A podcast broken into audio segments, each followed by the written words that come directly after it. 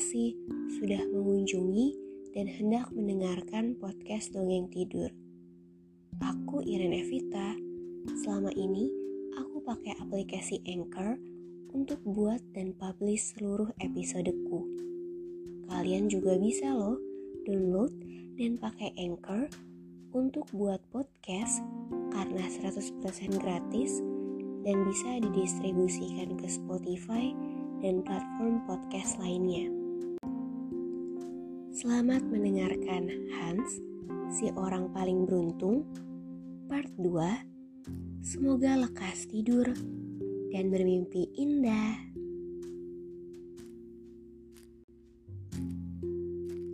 Setelah melalui setengah perjalanan menuju desa ibunya, ia telah menukar sekantung perak sebesar kepalanya dengan kuda, kemudian menukar kudanya itu dengan sapi.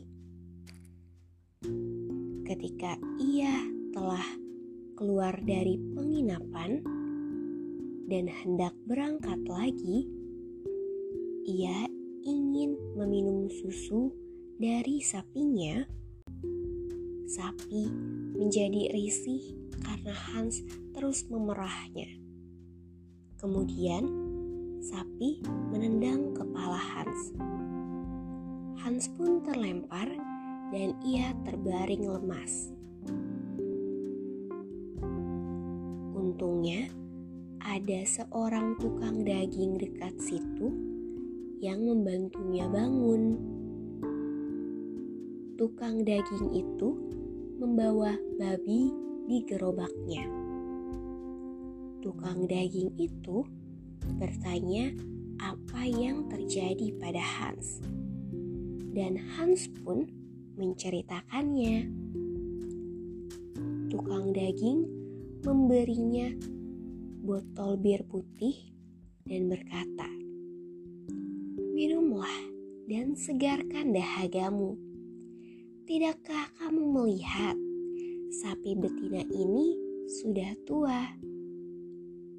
Ia tidak akan memberi apa pun selain bisa disembelih.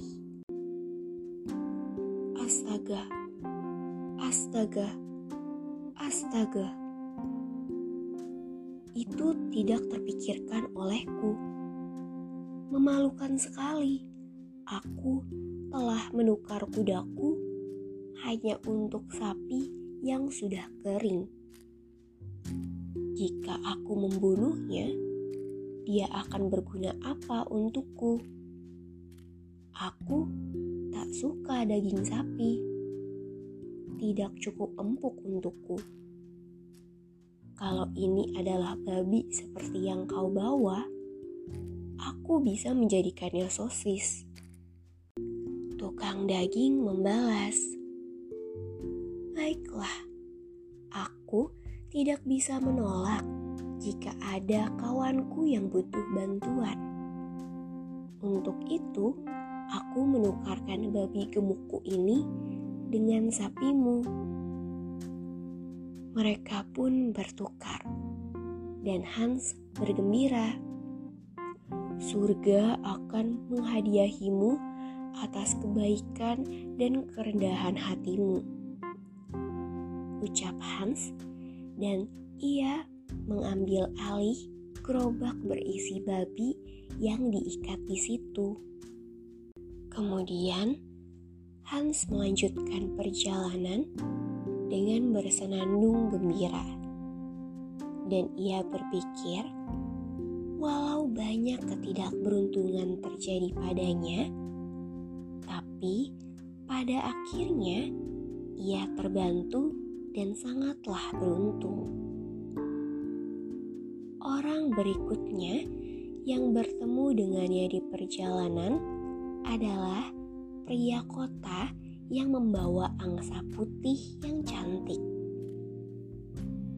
Pria kota itu berhenti untuk menanyainya waktu, yang akhirnya berlanjut menjadi percakapan di mana Hans menceritakan seluruh keberuntungannya.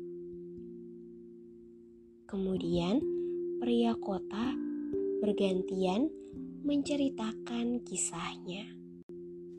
Ia hendak membawa angsanya ke acara pembaptisan. Namun, sekarang terasa berat. Padahal baru usia 8 minggu.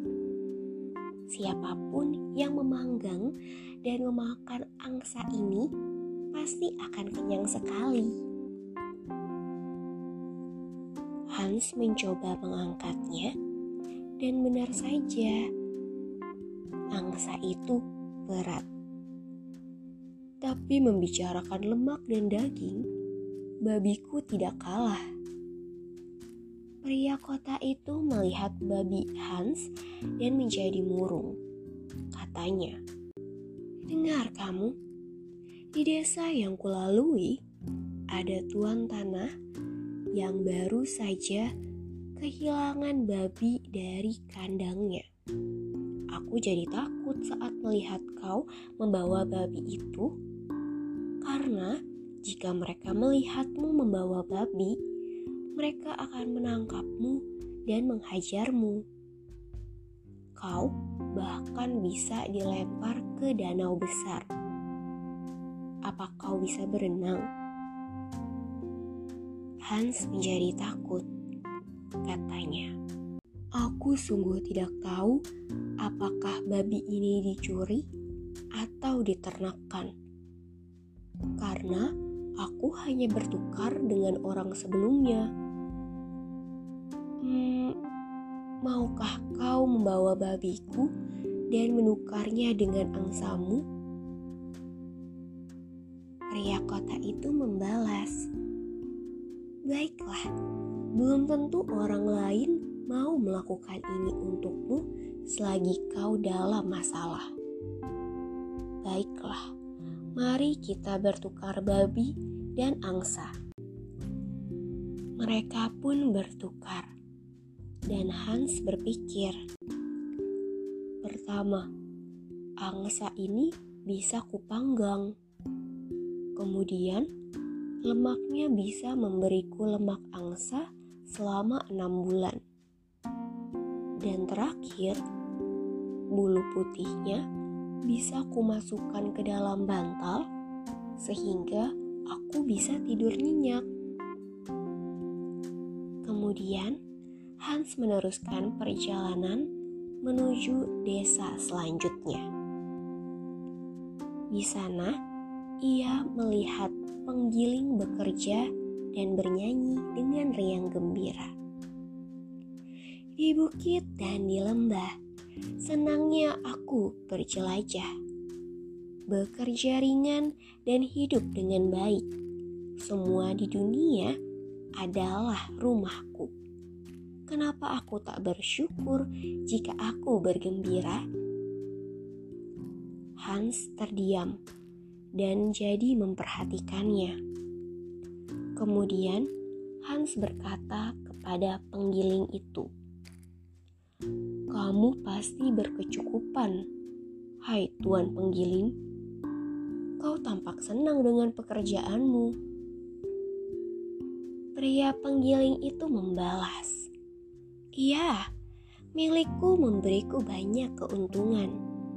Pengasah yang baik tidak pernah tak akan mendapat keuntungan dari pekerjaannya. Tapi, wahai pemuda, di mana kau mendapatkan angsa cantik itu? Hans membalas, "Aku tak membelinya. Aku menukarnya dengan babi." Pria penggiling itu bertanya, "Dari mana kau dapat babi itu?" Hans menjawab, "Aku menukarnya dengan sapi." Pria penggiling itu lanjut bertanya, "Dan sapi itu?" Hans menjawab, "Aku menukarnya dengan kuda." Pria penggiling itu bertanya lagi, "Dan kuda itu?"